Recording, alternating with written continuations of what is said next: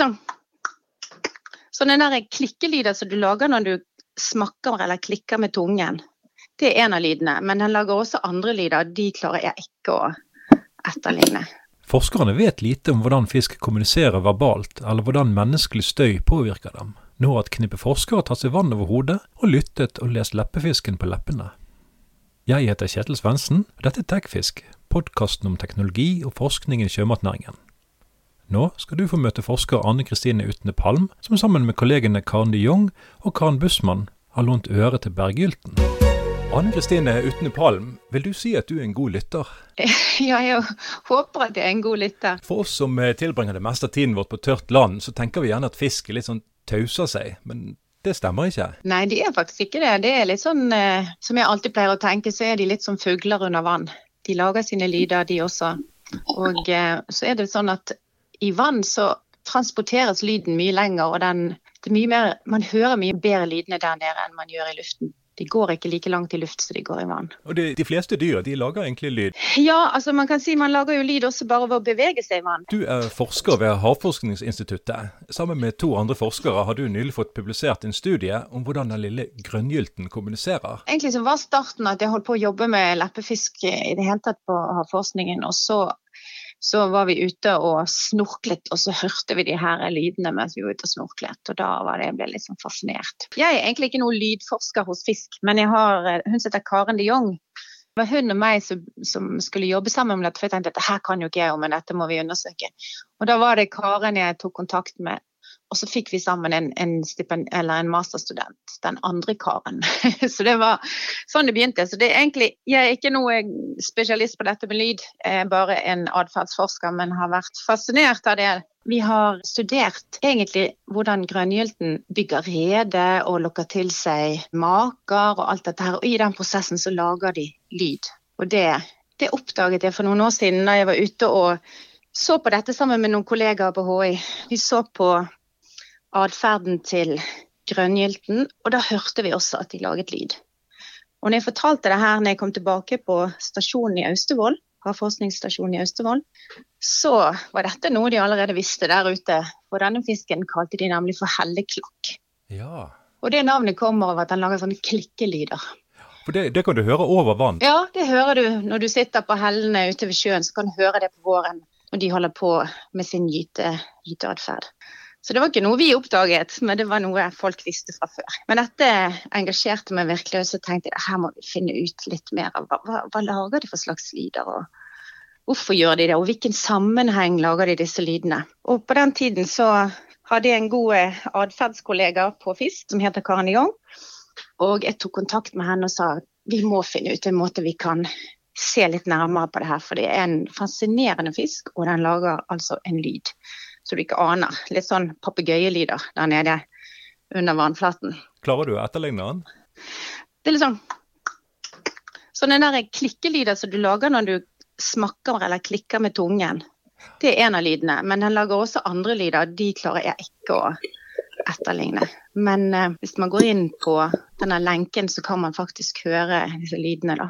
Og så, um, så, så søkte vi et stipend, et såkalt hjortstipend. Og så fikk vi det. Og så kom Karen hit og hadde med seg en eh, masterstudent. Og det var stort sett masterstudenten Karen Bussmann som gjorde det meste av arbeidet under veiledning av Karen og meg ute på Austevoll.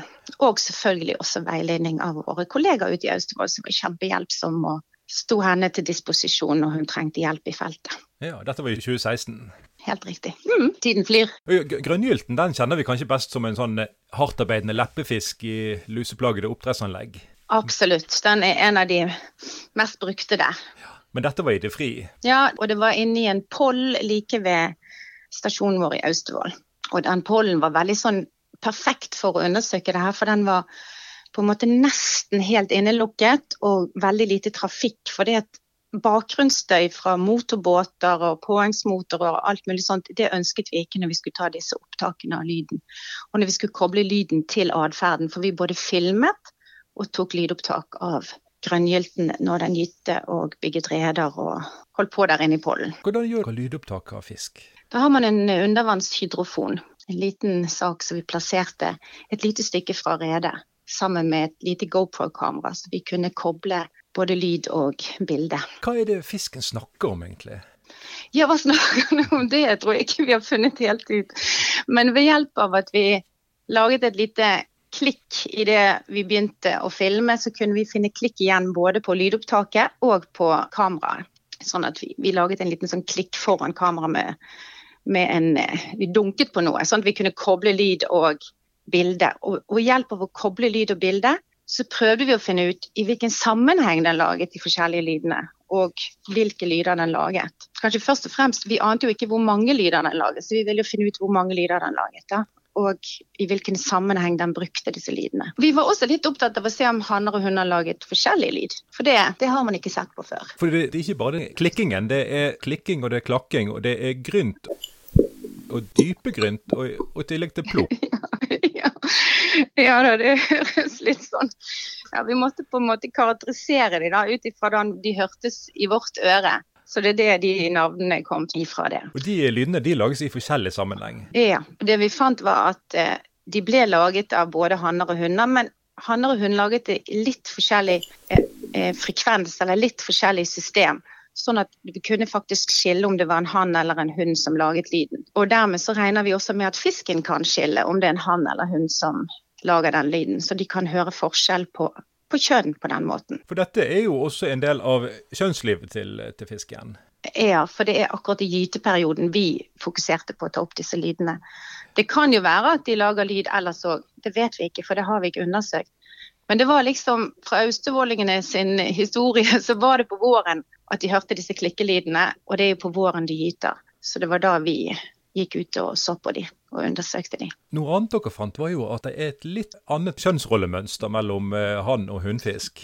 Det er det, og det er ganske vanlig hos fisk, faktisk. Jeg har jobbet med fisk før og sett akkurat det samme der òg. At det er han bygger reder, og hundene kommer og legger egg i redene. Og så er det han som tar vare på eggene etterpå. Det er ikke spesielt uvanlig hos fisk. Det er kanskje mer vanlig enn uvanlig. Så da bygger han et stort rede, og så venter han på en hund? Ja, og den måten eh, grønngylten bygger rede på er ganske fantastisk arbeid. Altså den akkurat som du vet fugler. Du har sett et fuglerede, hvordan det er liksom tråklet gjennom både mosedotter og strå og alt mulig. Men det gjør faktisk grønngylten òg. Den kommer med små biter av tang, og den av og til var ikke det rette, så da henter den en annen, og så putter den inn og stapper inn og lager et veldig veldig fint rede. da. Og så lager han en lyd som hunden oppfatter? Ja, den, når hundene kommer til redet, så følger han og lager litt klikkelyder og sånne ting. Sånn at akkurat hva han sier, det vet vi ikke, men det virker som han eh, prøver å gi beskjed at han er klar for å få besøk av henne, eller hun gir beskjed om at hun har lyst til å se på redet eller er interessert osv.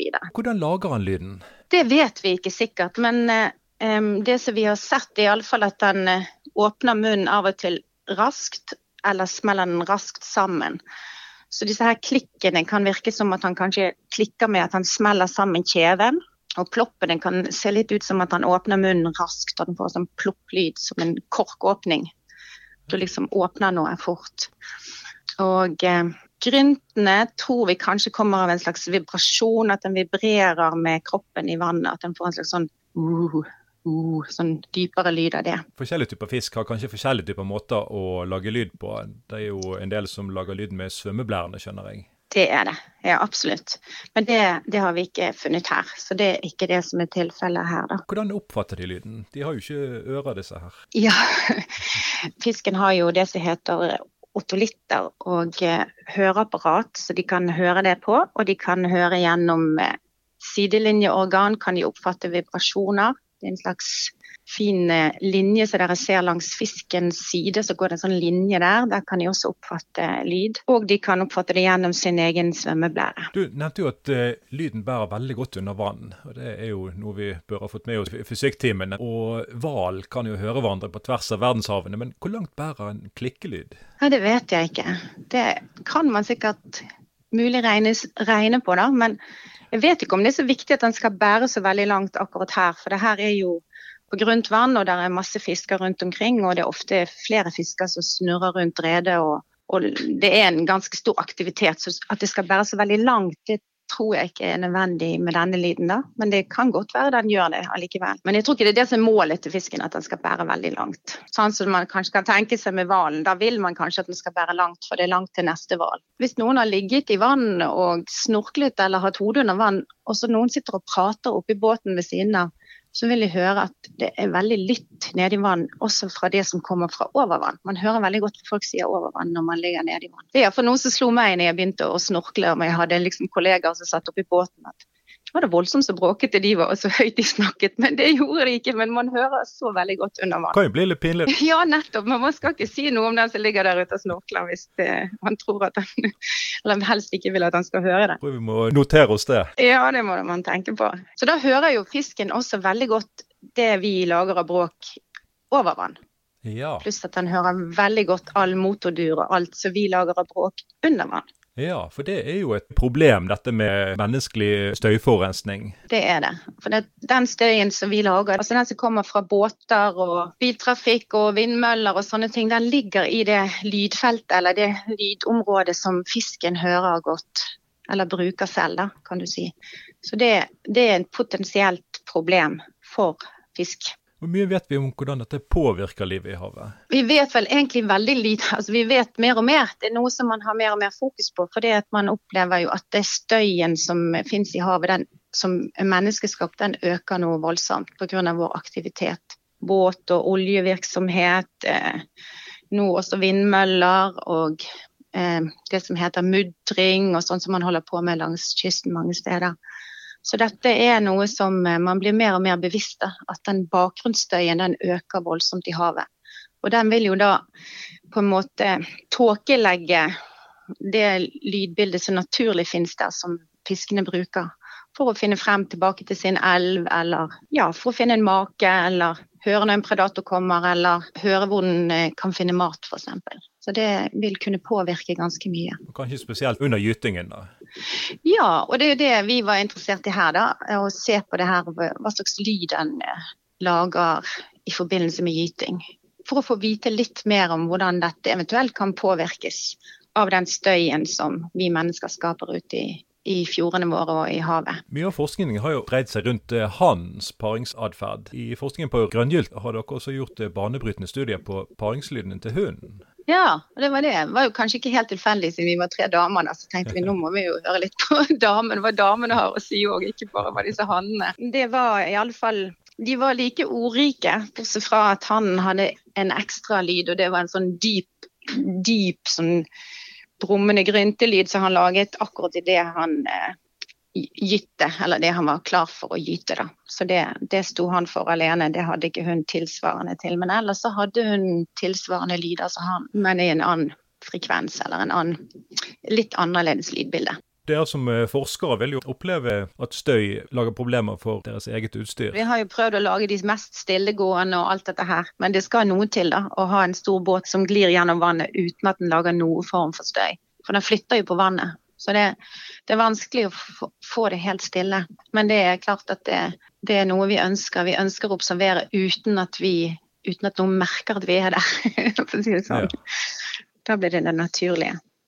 Men dyrene i havet har jo fantastisk masse sanser, så det skal noe til å være der uregistrert. Ja. Jeg hører at du har, eh, har litt lyder i bakgrunnen du også. Ja. Jeg har sånn dunke-dunke, men eh, ja.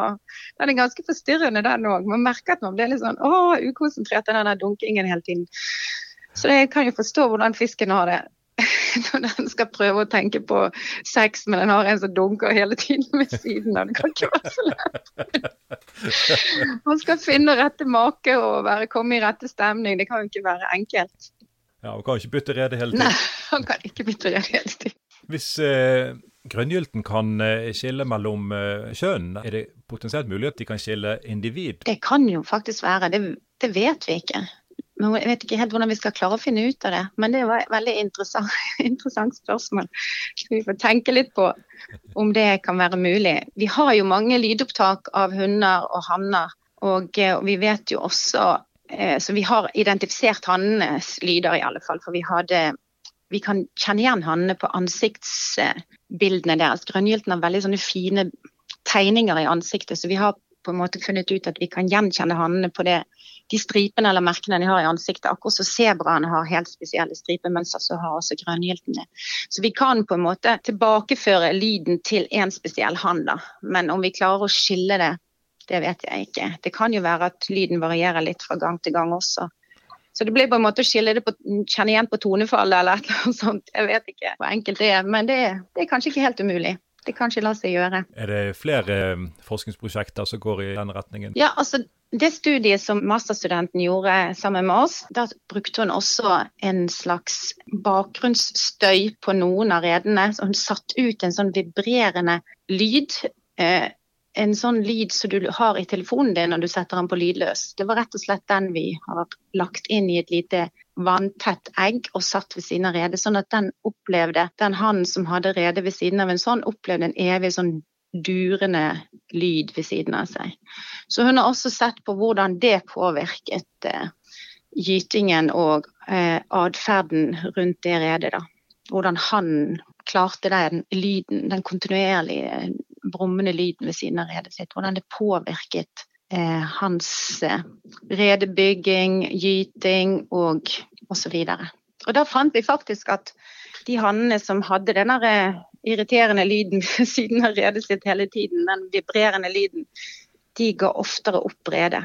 Forlot redet og eggene sine. Det er jo en interessant observasjon. Og Det var en kontinuerlig lyd. og nå Kanskje ikke det er så ofte at det er kontinuerlig lyd ute i havet, men man kan jo tenke seg f.eks. at en uh, vindmølle kan, påvirke, kan være en slags kontinuerlig lyd, eller ja, en andre ting som står på land og lager kontinuerlig lyd, kan påvirke på en lignende måte. Annen forskning har uh, vist at uh, kontinuerlig lyd er noe fisken kanskje venner seg til, men dette taler jo litt imot. Det kanskje har en påvirkning, men kanskje en annen type påvirkning. Man vet jo ikke helt Man må jo nesten undersøke i hver enkelt tilfelle, da, men at det kan ha en annen type påvirkning. Det er iallfall tydelig at det har gjort at han har prøvd å finne seg et annet sted da, etter en stund. Det høres ut som det ligger mye spennende og viktig forskning i akkurat dette feltet her. Det er det, og det er mye vi ikke vet. Og det, det er klart at også denne her eh, leppefisken, som den heter, eller denne her eh, RAS heter de på engelsk. Altså, mange har trodd at ikke de kunne lage lyd, eller at ikke de hørte lyd. Men altså, vi vet jo nå at vi antar nå at alle fisk hører lyd. Og mer og mer tyder jo også på at de produserer lyd. Så det, vi lærer stadig vekk innen dette feltet. Det er, det er helt sikkert. Spennende. Tusen takk for at du stilte opp. Ja, takk for at jeg fikk fortelle litt om grønngylten. Og så håper jeg at folk eh, tar på seg snorkel og maske til våren og dypper hodet under vann. Trenger ikke å dyppe det så dypt. De fleste opptakene her blir gjort bare på 1,5 meters dyp, 1 meters dyp, så det er bare å putte hodet under og så høre om du kan høre disse klikkelydene og lokalisere et rede. Og de som er på land? De får være stille og sette seg nederst, nederst, langt nederst på svaberget og bare lytte. Du håper at ikke det kommer for mye båter forbi og bråker, så man får virkelig høre det. Jeg har mest av alt lyst til at folk skal våkne litt for nysgjerrigheten på at det faktisk er ganske viktig med lyd i, i, vann. Og så tenker jeg at jeg har jo kjørt rundt med påhengsmotor og sust i alle år, og har aldri tenkt på at jeg forstyrrer noen som helst med det. Annet enn mennesker som blir irritert, kanskje. Men det er noe slags bevisstgjøring av at faktisk når vi lager støy, så påvirker det Kan det påvirke dyrenes eh, leve og liv, liksom. Det er det jeg tenker mest på. Du kan høre mer på Tekfisk, som du finner på Spotify, iTunes eller der du liker å høre på podkast.